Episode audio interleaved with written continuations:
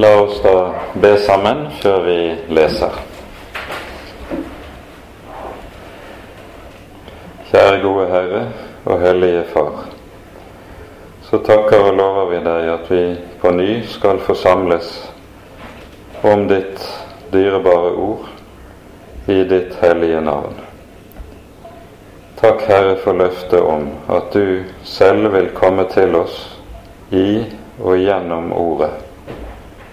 Og Derfor ber vi deg også, Herre, at du vil gi oss den stillhet ved din Hellige Ånd som er slik at du får tale ut med våre hjerter.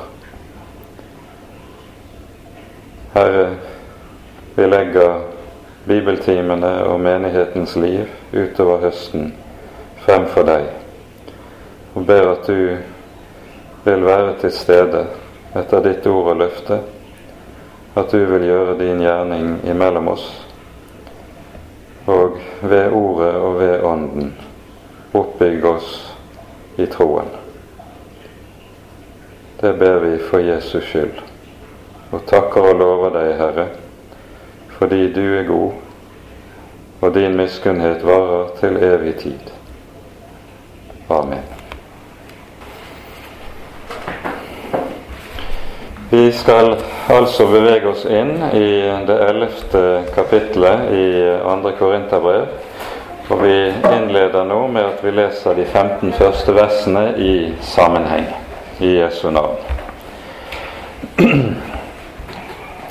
Tenk om dere ville tåle litt dårskap av meg. Ja, det får dere tåle. For jeg er nidkjær for dere med Guds nidkjærhet jeg har jo forlovet dere med én mann for å fremstille en ren jomfru for Kristus. Men jeg frykter for at like som slangen dåret Eva med sin list, slik skal også deres tanker bli fordervet og vendt bort fra den enkle og rene troskap mot Kristus. For om det kommer en til dere og forkynner en annen Jesus, som vi ikke har forkynt, eller om dere får en annen ånd som dere ikke før har fått, eller et annet evangelium som dere ikke før har mottatt, da tåler dere det så gjerne. Men jeg mener at jeg ikke står tilbake for disse veldige apostlene på noe vis. Er jeg ulærd i talekunst, så er jeg det ikke i kunnskap. Tvert om det er jo på alle måter og i alle ting lagt tydelig frem for dere. Eller gjorde jeg synd da jeg ydmyket meg selv for at dere kunne bli opphøyet ved at jeg for intet forkynte Guds evangelium for dere? Andre menigheter plyndret jeg ved å ta lønn av dem for å kunne gjøre tjeneste hos dere. Og da jeg var hos dere og ikke hadde det jeg trengte, ble jeg ikke til byrde for noen av dere. For det jeg manglet, det ga brødrene meg da de kom fra Makedonia. På alle vis holdt jeg meg fra å bli til byrde for dere, og det vil jeg fortsatt gjøre.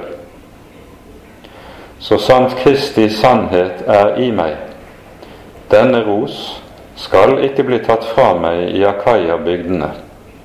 Hvorfor? Fordi jeg ikke elsker dere. Det vet Gud at jeg gjør. Men det jeg gjør, vil jeg også fortsatt gjøre.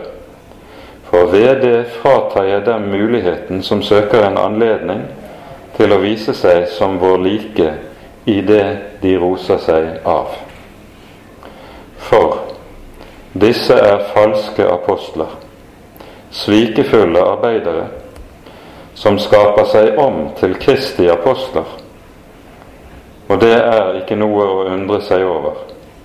For Satan selv skaper seg jo om til en lysets engel. Da er det ikke noe stort om også hans tjenere omskaper seg til rettferdighetstjenere. Men for dem skal enden svare til deres gjerninger. Amen. Som vi har vært inne på gjennom de bibeltimene som har vært over 2. Korinterbrev, så handler på mange måter hele brevet om Paulus' forhold til disse falske apostler som vi her hører omtalt i de siste versene. Vi har pekt på at noe av det som kjennetegnet disse, var for det første deres selvros. Eh, de var særdeles eh, opptatt med å promotere seg selv, som eh, man sier det i våre dager. Og ikke minst i avsnittet som ligger umiddelbart før det ellevte kapittelet her, hører vi Paulus ta opp akkurat den saken. Og avslutter derfor også kapittel ti med følgende ord Det er ikke den som gir seg selv vitnesbyrd, som holder mål men den Herren gir vitnesbyrd. Disse falske apostlene manglet fullstendig Herrens vitnesbyrd, men de var desto ivrigere etter å vitne om seg selv og sin egen tjeneste, sin egen betydning, sin egen innsats, for på den måten å skaffe seg en plattform blant korinterne. Og Det ser det ut til at de et stykke på vei hadde lykkes med. Riktignok er det et mindretall i menigheten i Korint som følger dem. De utgjør ikke flertallet. Men eh, det er tydelig at apostelen vurderer dette mindretall til å representere en så stor åndelig fare at han er nødt til å tale så alvorlig som han gjør om det i denne sammenheng. En annen sak som uh, har kjennetegnet uh, disse falske apostlene, er det som vi uh, også hører en del om i 2. Korinterbrev, nemlig at de har søkt å undergrave apostelens autoritet gjennom å angripe hans person og hans personlige integritet. Altså ved å søke å svekke Paulus' personlige troverdighet ville de eh, få mulighet til også å svekke tiltroen til det evangelium som Paulus forkynner. Og det er ikke minst i anledning dette siste han nå taler som vi hører det her i det første verset i kapittel 11. Tenk om dere ville tåle litt dårskap av meg. I en av de danske bibeloversettelsene er det oversatt slik Tenk om dere ville tåle litt vanvidd av meg.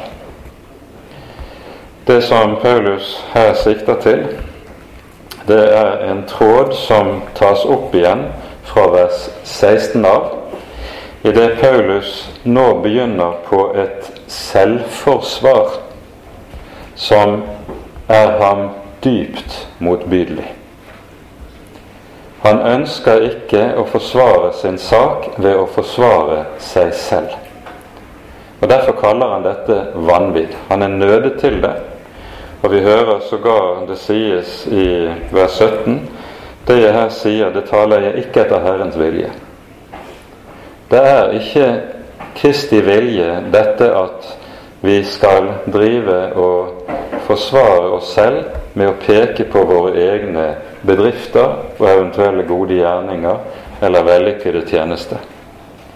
Men Paulus er tvunget til å tale om sitt eget liv for å tilbakevise den baktalelse som han har vært gjenstand for fra disse falske apostlene.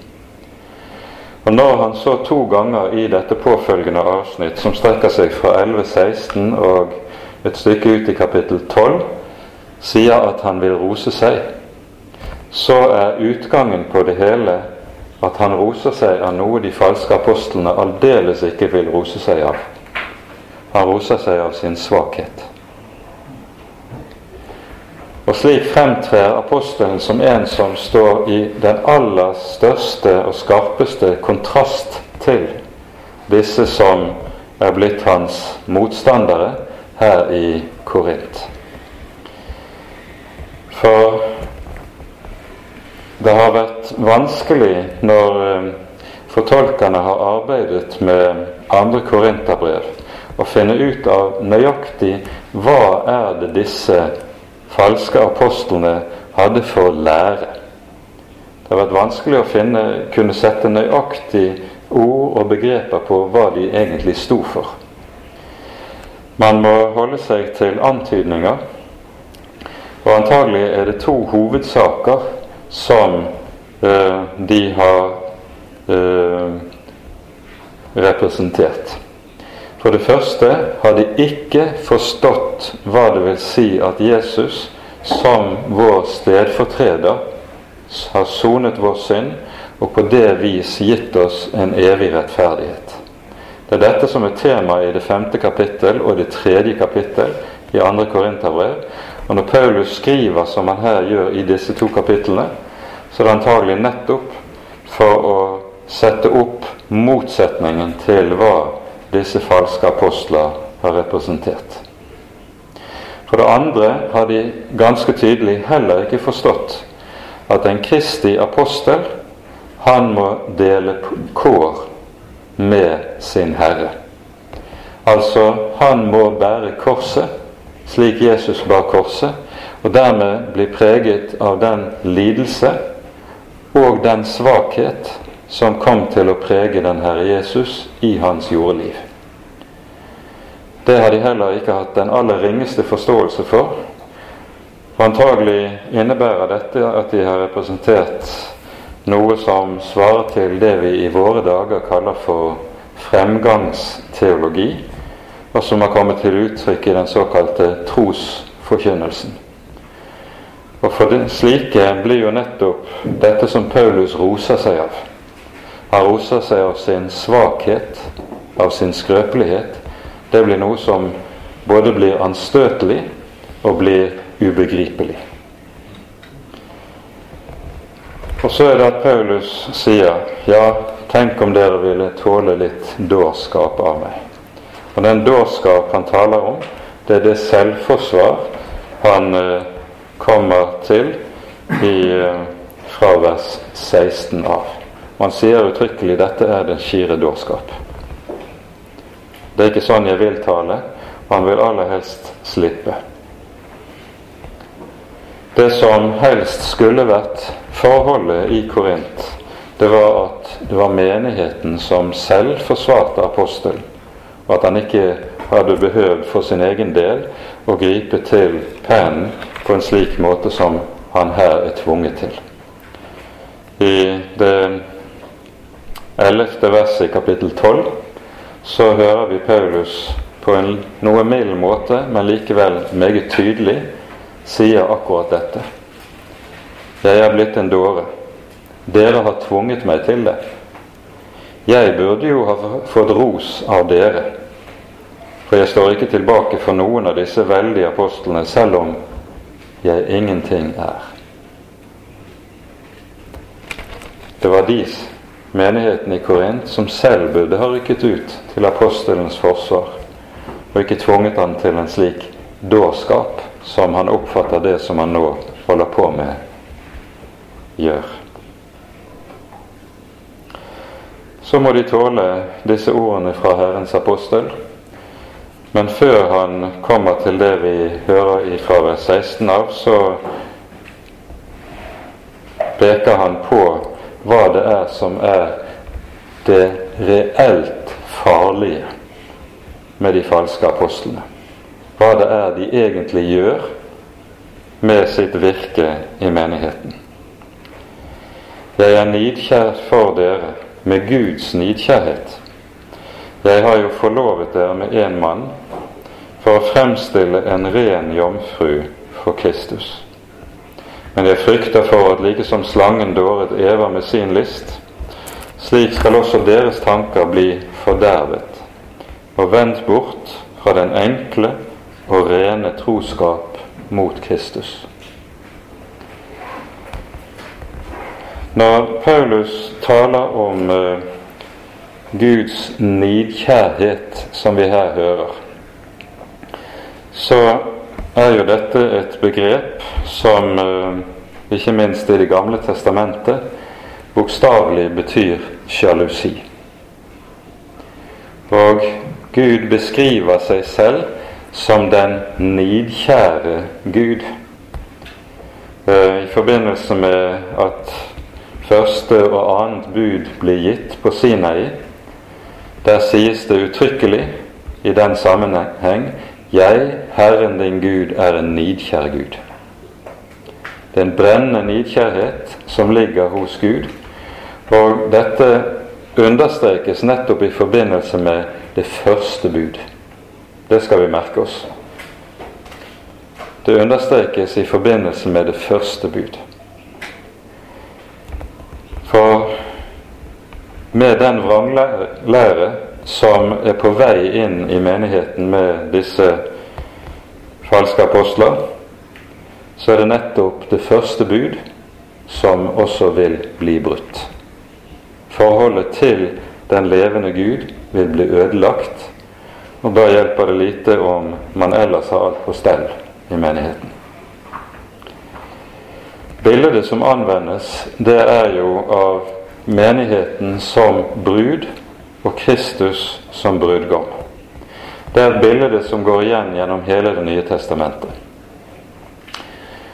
Um, og vi hører at Paulus så å si her enten setter seg i samme rolle som døperen Johannes, sånn som vi kan høre det i Johannesevangeliets tredje kapittel, der eh, Johannes' disipler kommer og klager på at når Jesus har begynt sitt virke, så dras det flere til ham enn til Johannes.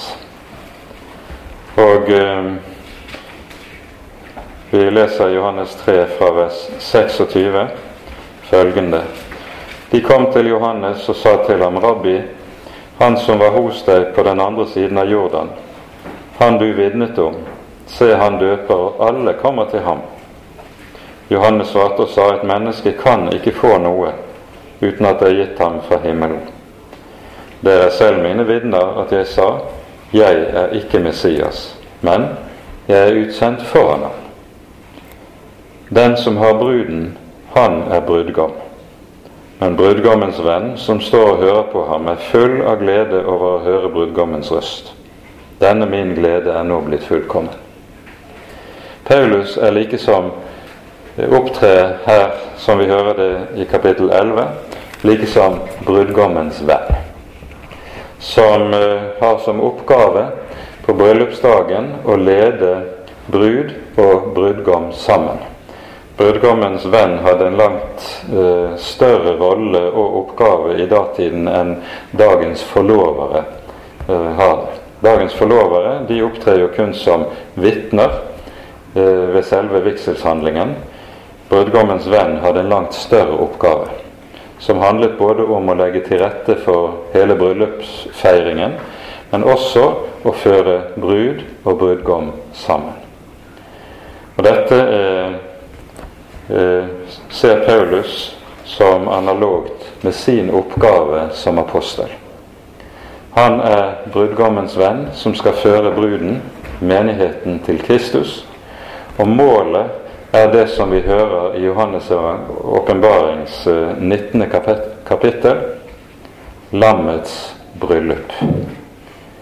Livet her i verden eh, ses på i da som forlovelsestiden, og så, når Jesus kommer igjen for å hente sin brud, da er lammets bryllup kommet.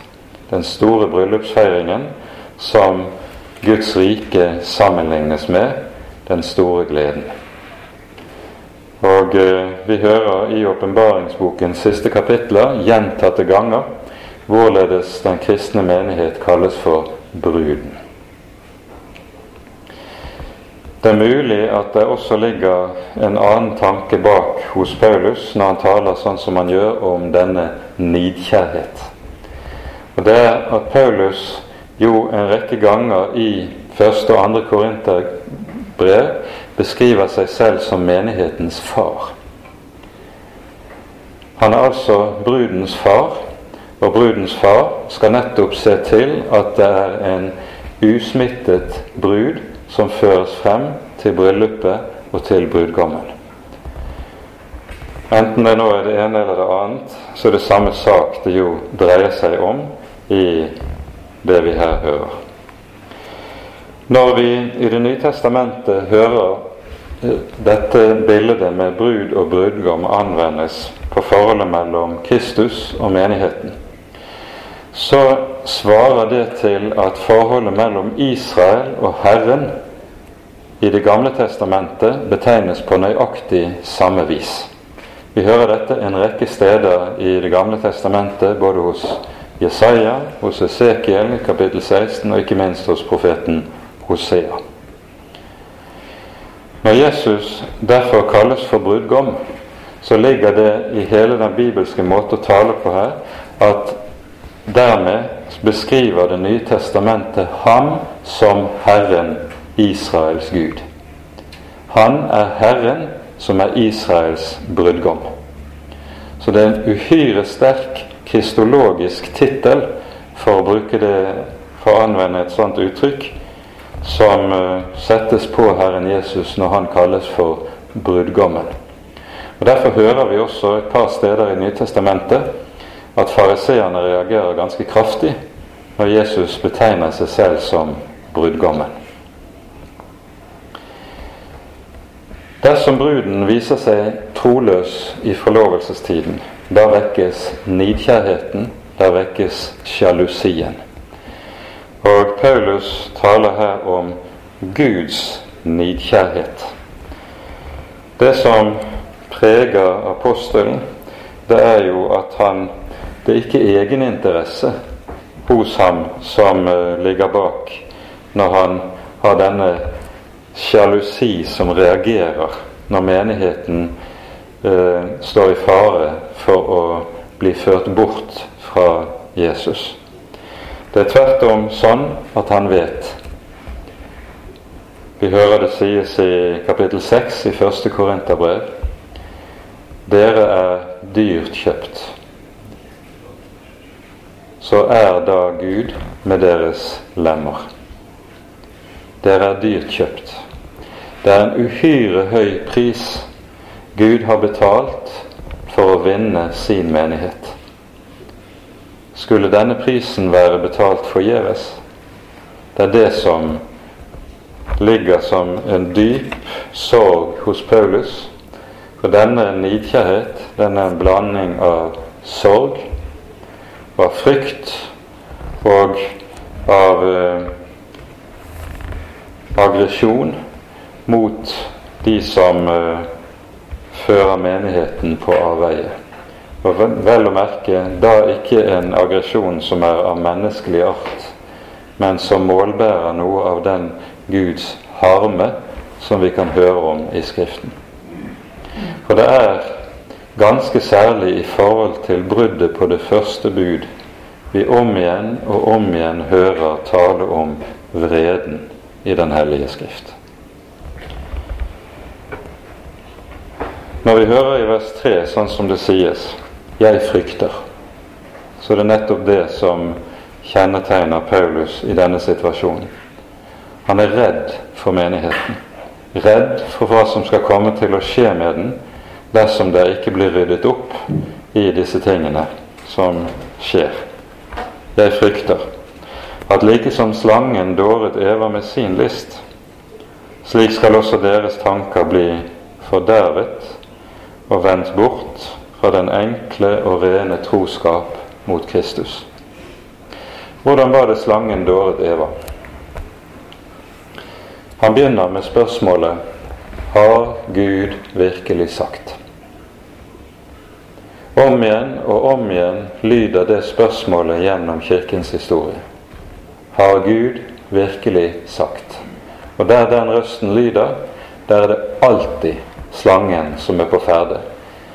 Uansett hvem det er som måtte si det, uansett hvilken posisjon vedkommende har som måtte si det, uansett hvor lærd eller hvor stor vedkommende måtte være, der denne røsten lyder, er det alltid slangen som er på ferde. For det andre så sier denne slangen når den forfører Eva til fall, så hun har jo svart Herren har talt og sagt om frukten på dette treet at den som eter av den, og den som rører ved treet, han skal dø, visselig dø. Så kommer slangen og sier dere skal visselig ikke dø. Hva er det han dermed sier? Han sier han slår en tykk strek over Skriftens tale om Guds hellighet. Han slår en tykk strek over det Skriften taler om alvoret ved synden. Og så legger han inn som noe underforstått i dette. Dere må ha misforstått hva Gud sier. Gud er jo kjærlighet. Han er god. Den gode og kjærlige Gud kan jo slett ikke ha sagt så forferdelige ting. Dette er noe dere må ha misforstått. Og ved hjelp av sånne ord fornekter han Guds hellighet, tar bort alvoret dermed også, og så ledes de inn i fallet. Og fallets kjernepunkt kommer så i det neste verset i syndefallsforretningen, der slangen sier 'Dere skal bli like som Gud'. Det er selve kjernen i syndefallet. Mennesket setter sitt eget ego på den plassen Gud skulle hatt.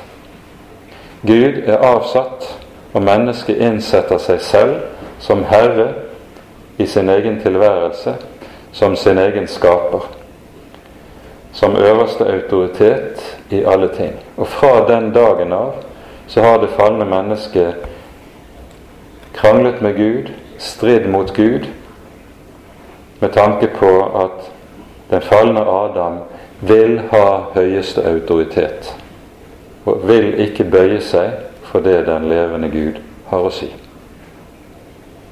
Det er det menneskelige hybris, overmot, hovmod, stolthet, som på denne måten kommer til uttrykk, og som ligger så å si ved roten av det falne menneskets eksistens.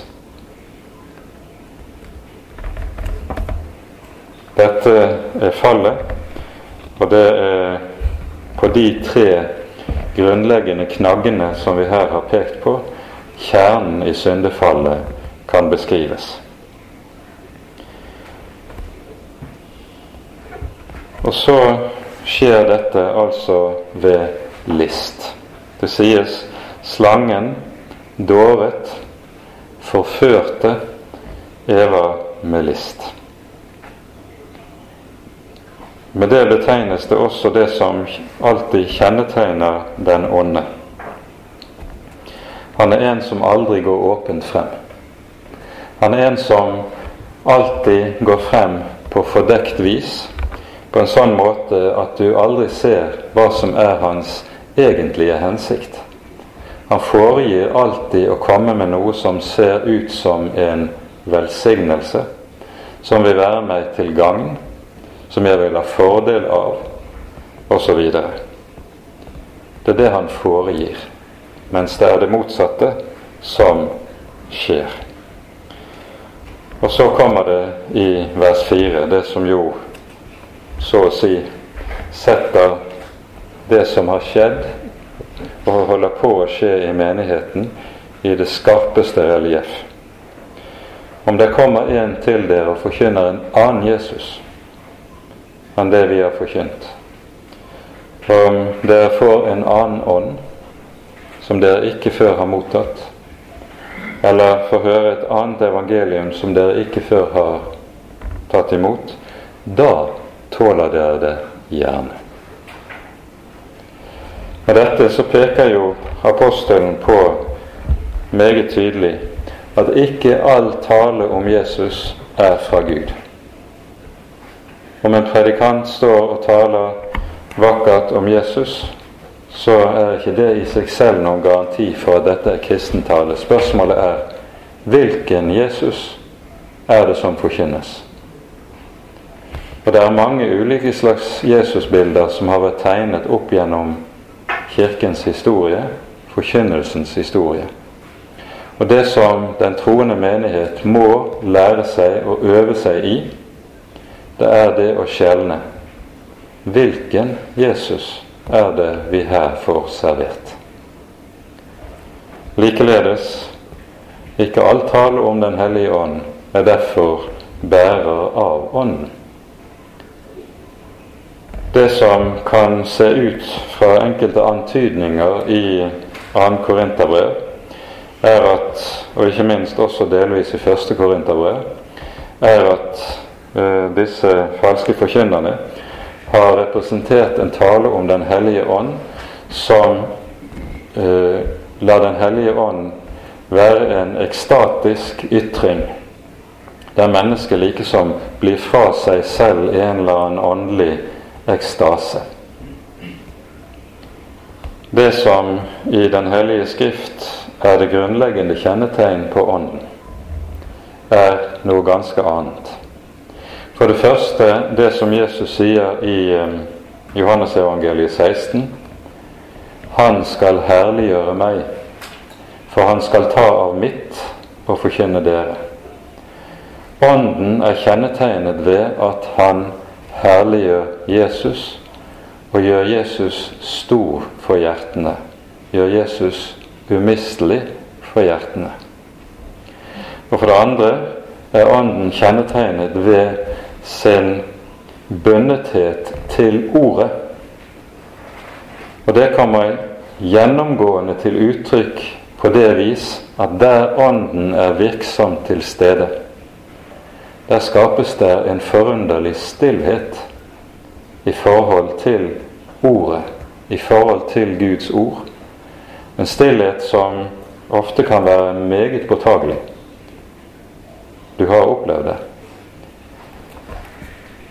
Og som derfor ligger milevis fra den støyende, larmende ånd som kjennetegner de ekstatiske ytringer av ulikt slag.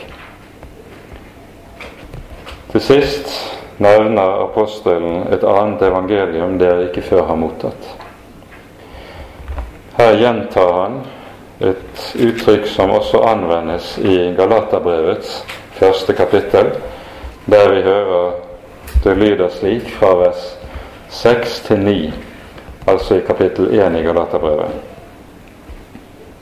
Jeg undrer meg over at dere så snart vender dere bort fra ham som kalte dere ved Kristi nåde, til et annet evangelium. Skjønt det ikke finnes noe annet. Det er bare noen som forvirrer dere og vil forvrenge Kristi evangelium. Men selv om vi, eller en engel fra himmelen, skulle forkynne dere et annet evangelium enn det vi har forkynt dere, han være forbannet. Som vi før har sagt, så sier jeg nå, nå igjen om noen forkynner dere et annet evangelium enn det dere har mottatt, han være forbannet. Det er kraftig tale. Det er klar tale. For her hører vi noe ganske annet enn det som kjennetegnet menigheten i Korint. For om korinterne sies det om dette skjer, en annen Jesus, en annen ånd, et annet evangelium, så sies det om dem dere tåler det gjerne. De roser seg med andre ord av sin store toleranse, av sitt vidsyn, av at de står på et høyere plan som gjør at man kan trekke litt på skuldrene og si ja, dette er jo bare sett det samme sak sett fra en annen synsvinkel. Nei, sier Paulus. Her er det tale om sannhet og løgn. Og det å kunne evne å se forskjell på disse to. Det er intet mindre det dreier seg om.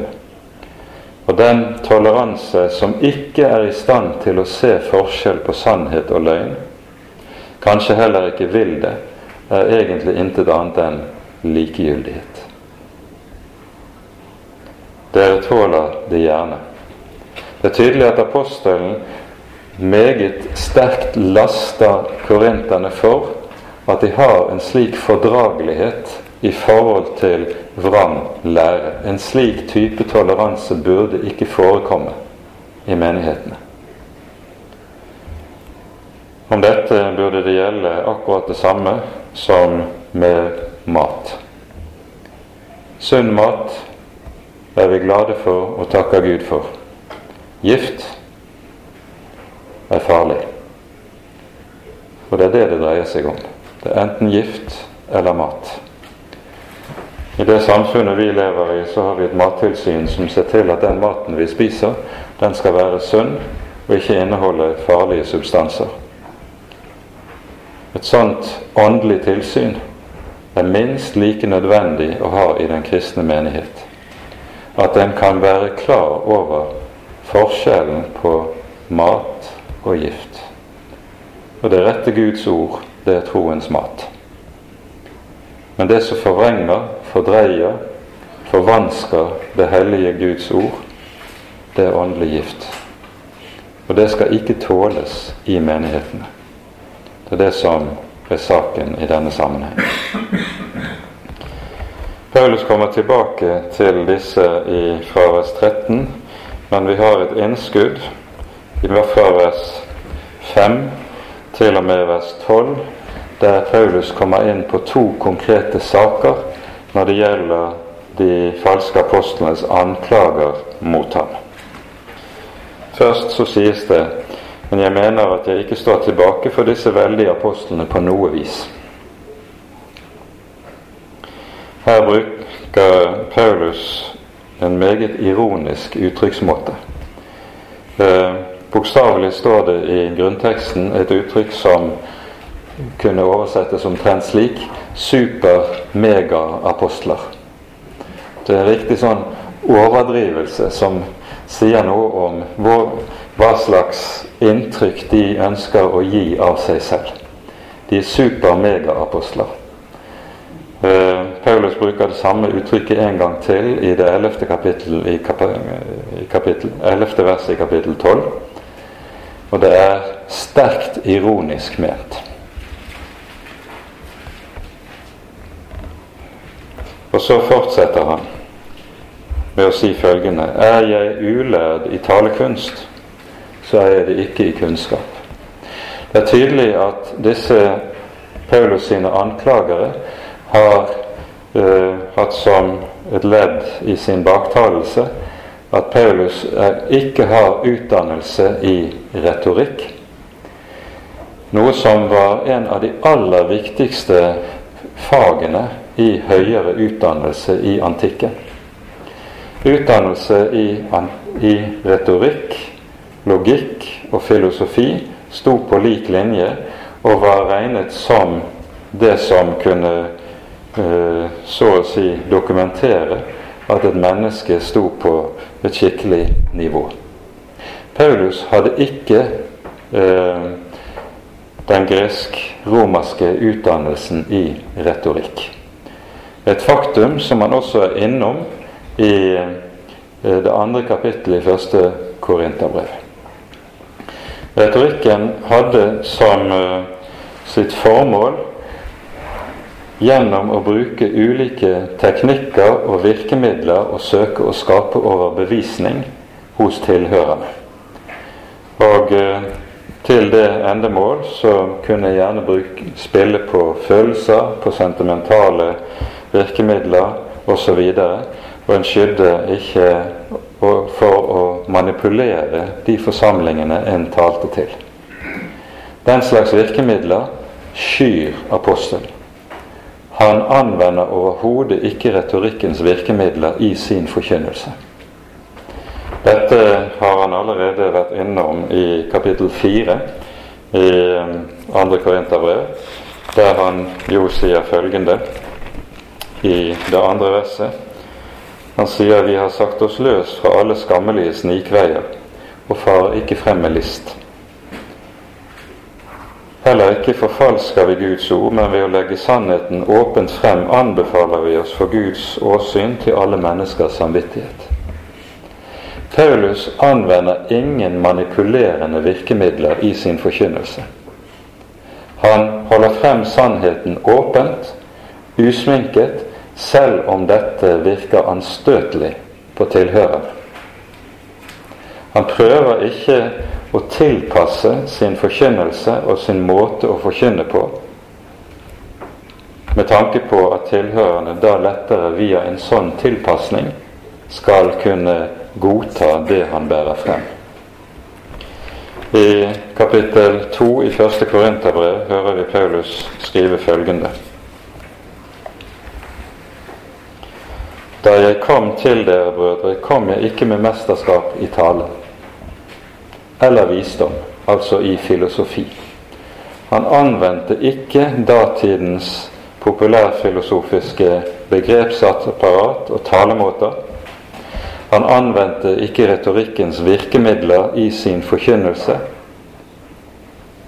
For, sier han i vers 2, for jeg ville ikke vite noe annet iblant dere enn Jesus Kristus og ham korsfestet. Da jeg var hos dere, var jeg der i svakhet, under stor frykt og beven. Og min tale og min forkynnelse var ikke med visdoms overtalende ord, sånn som retorikken prøvde det, men med ånds- og kraftsbevis. Så kommer det, legg merke til det. For at deres tro ikke skulle være grunnet på menneskelig visdom, men på Guds kraft. Det kunne med andre ord skapes en eller annen form for tro eller tilslutning til budskapet dersom Paulus hadde anvendt seg av slike virkemidler. Men, sier han, en slik tro er grunnet på menneskers visdom og ikke Guds kraft. Det er med andre ord en falsk tro, noe som det ikke hold i.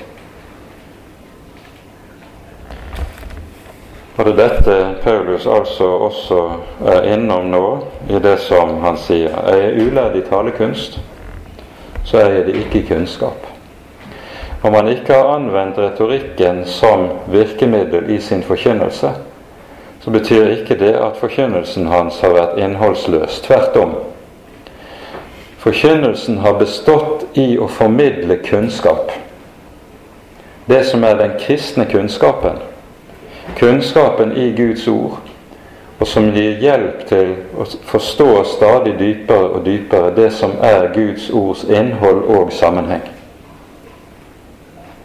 Og det er denne undervisende side ved forkynnelsen som helt tydelig har vært dominerende i apostelen sin forkynnelse, slik han beskriver seg selv her. Vi minner her også om det som lyder i 1. Korinterbrev kapittel 15, der denne kunnskap, denne basale kristne kunnskap, understrekes.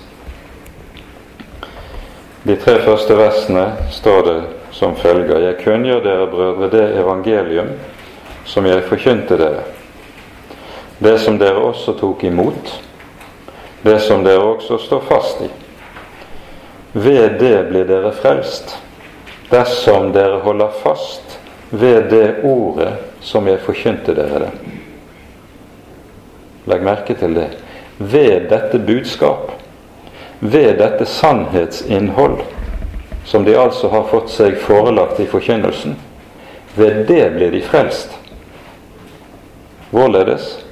Ved at de holder fast på det om dere da ikke forgjeves er kommet til troen. Og så kommer det Så setter han ord på noen av de konkrete sann, trossannheter som det dreier seg om. Jeg overga dere blant de første ting det jeg selv tok imot. At Kristus døde for våre synder etter Skriftene. At han ble begravet, at han ble reist opp etter tredje dag etter Skriftene. Og legg merke til at her gjentas det to ganger 'etter Skriftene'. Apostelens undervisning var en undervisning i Skriftene. Det var en undervisning som handlet om og lærte menighetene hvorledes Kristus finnes i Skriftene og er den som oppfyller Skriften. Det er med andre ord nøyaktig det samme vi hører Jesus undervise disiplene på, om på vei til Emmaus i Lukasevangeliets 24. kapittel. Det er den sak det dreier seg om. Og det er dette Paulus har i tanke når han taler om at hans forkynnelse var båret av kunnskap. det er en kunnskapsformidling. Her har vi noe som er helt avgjørende for enhver forkynner i Guds rike å være oppmerksom på. Det er altfor mye kristen forkynnelse som er relativt innholdstom hvis vi taler om dette som har med kunnskapsformidling å gjøre. Det kan være sentimentale historier. Det kan være ting som rører opp i menneskers følelsesliv osv. av det slaget, det har intet av bærende verdi i seg. Det som har bærende verdi for menigheten, er det Paulus her peker på. Det å føres inn i kunnskapen i Guds ord. Dette er avgjørende med tanke på det som vi hører i Efeserbrevets fjerde kapittel. Det er noen vers vi har vært tilbake ved ved flere anledninger, men vi minner på ny om det her.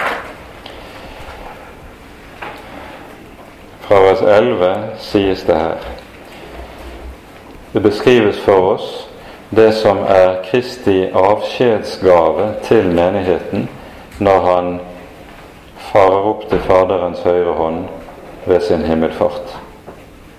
Han er det som ga oss noen til apostler, noen til profeter, noen til evangelister, noen til hyrder og lærere. Hva er det som omtales her? Det er ordets tjeneste i menigheten. De, de ulike typer for forkynnelse av Guds ord i menighetene. Og hva er hensikten med det? Det står for at de hellige kunne bli gjort i stand til tjenestegjerning, til oppbyggelse av Kristi legeme, inntil vi alle når frem til enhet i tro på Guds sønn og kjennskap til ham, til manns modenhet, til aldersmålet for Kristi fylde, så vi ikke lenger skal være småbarn og la oss kaste og drive omkring av, lærdoms, av hver lærdoms vind ved menneskenes spill, ved kløkt i villfarelsens listige knep. Kunnskapsformidlingen i Guds ord har dette altså som frukt og som formål. Skape åndelig vekst, åndelig modenhet, som hjelper de troende til å bli stående fast i evangeliet og ikke fare omkring hit og dit. Dernest, hvis vi går videre nå i kapittel 11, nevner apostelen en annen sak som de falske apostler har anklaget ham for. Paulus tar seg ikke betalt for sin tjeneste i menigheten. I kapittel 9 i første Korinterbrev sier Paulus at prinsipielt har en arbeider i menighetene rett til å oppebære lønn fra menighetene. En arbeider er sin lønns verd sin lønn verd, sies det uttrykkelig i, i 1. Korinterbrev 9. Likevel, Paulus har i sin tjeneste som apostel vært uhyre nøye med ikke å ta betaling fra de menigheter han var til stede i og virket i. Hvorfor har han ikke gjort det? Jeg tror en viktig årsak til dette er at der når man har motsatt penger fra mennesker, så er det meget vanskelig da å gå ut med og gå i rette med de man har mottatt penger og understøttelse fra. Det å ikke motta slik økonomisk understøttelse, det gir åndelig frihet og åndelig uavhengighet. Når Paulus så reiste videre, så hendte det seg at menigheter han hadde vært i, kunne sende budbærere med midler til ham for å hjelpe ham i de nye menighetene han var på vei til. Slik forteller han at han har mottatt penger fra menigheten i Filippi. Men når han var i Filippi, så oppbevarer han ikke lønn fra menigheten der. Men senere hen, når han hadde reist fra menigheten, da skranglet menigheten sammen for å hjelpe apostelen. Dette er noe som Paulus anklages for. Og det kan vi synes er underlig. Hvorfor skal de anklage ham for at han ikke tar imot penger? Saken er den at her står vi overfor et trekk ved antikken som nok er oss fremmed, men som var meget vanlig den gangen. Det å være offentlig lærer, retor, taler eller eh, offentlig utdannet som, eh, som man hadde en offentlig stilling som filosofi, eller som filosof, det ga en rett til å oppebære eh, lønn. Og Det fortelles om alle byer med respekt for seg selv. De hadde ansatt gjerne et større eller mindre antall av slike talere og filosofer som altså gjorde sin gjerning på byens regning. Og dette, På dette vis så viste byene hvilken verdi de satte på deres undervisning. Når Paulus ikke vil ta imot slik lønn, så sier han dermed, ifølge det som var utbredt tankegang i tiden, han ser på sin undervisning som noe som ikke har noen verdi. Hadde han tatt seg rikelig betalt, da hadde forholdet vært ganske annerledes. Da ville han fått respekt. Det var tankegangen, men Paulus tenker altså ganske motsatt. Det er nødvendig for hans åndelige frihet nettopp ikke å oppebære betaling fra den lokale menighet han er i. Dette som et kort overblikk over eh, det som er innholdet i disse versene, før vi kommer til vers 13-15, og vi slutter av når vi nå leser disse. Han vender så å si tilbake til det vi har hørt i vers 3 og vers 4, og beskriver hvem det er menigheten har med å gjøre. Disse er falske apostler, svikefulle arbeidere som skaper seg om til Kristi apostler. Og det er ikke noe å undre seg over. Satan selv skaper seg jo om til en lysets engel. Det er ikke noe stort om også hans tjenere omskaper seg til rettferdighetens tjenere. Men for dem skal enden svare til deres gjerninger. Paulus river med dette så å si masken av disse, og setter det som er det rette og det sanne navn på dem og hva det er de holder på med, og hvis tjeneste de står i. Med dette så er vi inne ved en tematikk som Det nye testamentet hyppig er borte i. Vi kan minne om Paulus' avskjedstale til de eldste i Efesos, som vi finner i apostelgjerningenes 20. kapittel. Dette er en overmåte betydningsfull tale, som ikke minst alle som forkynnere eller får lederansvar i den kristne menighet, bør stanse for å lese meget grundig. Her i denne talen, som uh, går fra uh, vi, Avsnittet begynner i vers 13, og så hører vi han sier følgende fra vers 26 i talen. Derfor vitner jeg for dere på denne dagen at jeg er ren for alles blod. For jeg har ikke holdt noe tilbake, men jeg har forkynt dere hele Guds råd. Så gi da akt på dere selv og på hele den jord som Den hellige ånd har satt dere som tilsynsmenn for for at dere skulle vokte Guds menighet som han vant seg med sitt eget blod. Jeg vet at etter min bortgang skal det komme glupende ulver inn blant dere som ikke skåner jorden. Ja, blant dere selv skal det fremstå menn som fører falsk tale for å lokke disiplene etter seg. Våg derfor. Våg derfor. Og vi forstår at til det å våke så hører ganske særlig det å være våken i forhold til hva læres, hva forkynnes være nøye i forhold til nettopp det som har med sannhetsinnholdet i forkynnelsen å gjøre. Kristen tale er ikke en hvilken som helst tale. Det er en tale som har et meget klart og bestemt sannhetsinnhold.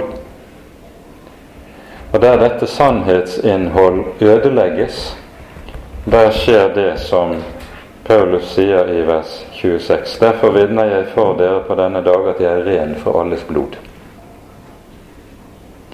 Det eh, apostelen her har i tanke, det er et avsnitt hos profeten Esekiel i det tredje kapittel, der Herren sender profeten til folket og sier til profeten at når jeg har talt et ord, så skal du tale det til folket.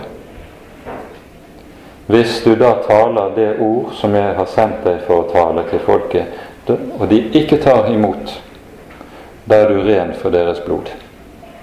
Men hvis du ikke taler, da vil jeg kreve deres blod av din hånd. Det er altså dypt alvor i det enten å fortie det Guds ord som skulle tales, eller å forvanske det ord som skulle tales. For på ordet står og faller et menneskes evige skjebne. I forholdet til dette ord er det det avgjøres frelse eller fortapelse. Det er det alvor som det dreier seg om. Av denne grunnen er det jo også at Det nye testamentet legger så stor vekt på læren, på lærens betydning i menigheten. Det å kjempe for den rette lære hører med til hyrdeembetet i den kristne menighet. Og de som sier at man ikke må være så stridbar, man må være, vise mer kjærlighet, de har ikke forstått denne hovedside ved Det nye testamentets budskap. Martin Luther sier i en sammenheng om apostelen Paulus, jeg tror det er den store Galaterbrevskommentaren, at Herrens apostel er myk som voks i kjærligheten, men han er hard som diamant i troen. Når det gjelder troens saker, altså troens sannhetsinnhold, da skal man ikke være myk. Da skal man holde fast uten kompromiss. Så ble da også Luther hyppig bestridd, beskyldt for å være stridbar. Akkurat som antagelig også apostelen Paulus har vært beskyldt for det samme av disse apostlene, som helt sikkert ønsket seg toleranse i menighetene. Når Luther ble beskyldt for sin stridbarhet, så sa han følgende den som vil ha slutt på striden, han må først ta bort Guds ord. Enkel og klar tale. Hvis ordet taler sånn som det gjør, da er vi også forpliktet til å tale som Guds ord. Og dette var den frimodighet som Luther på ny og på ny kunne falle tilbake på. Så har det alltid vært sånn i Den kristne kirke at forkynnelsen av Guds ord har ledet til strid.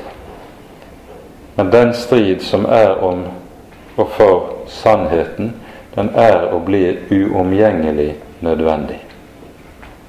For der sannheten tåkelegges, der er det det som kommer til å skje, som er sagt i andre kongebok 17. kapittel, om de falske profeter i Israel.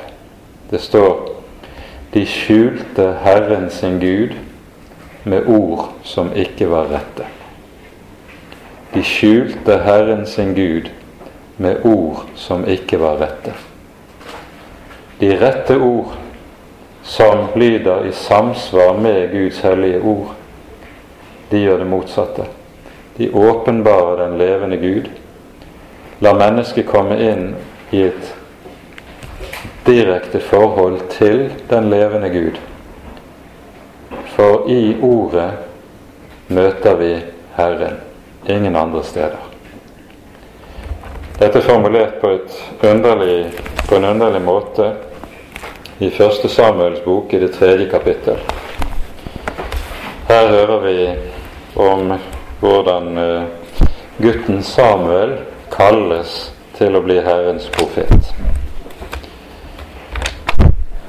Det sies i det syvende verset i, i dette kapittelet når Samuel ikke kjenner røsten som kaller han, så står det Samuel kjente enda ikke Herren, for Herrens ord var enda ikke åpenbart for ham.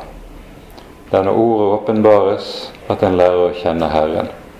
Men så kommer det i slutten av kapittelet, kapittelet følgende. Samuel vokste opp, og Herren var med ham, og lot ikke noen av sine ord falle til jorden. Da skjønte hele Israel fra Dan til Bersheva at Samuel var betrodd å være profet for Herren. Og Herren ble ved å la seg se i Kilo. For Herren åpenbarte seg for Samuel i Kilo ved Herrens ord. La du merke til måten dette var uttrykt på? Herren lot seg se ved at han åpenbarte sitt ord.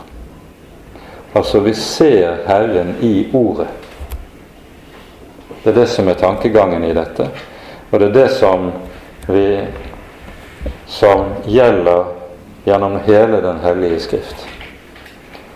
Og det er det som kjennetegner Den hellige skrift, til forskjell fra all annen skrift.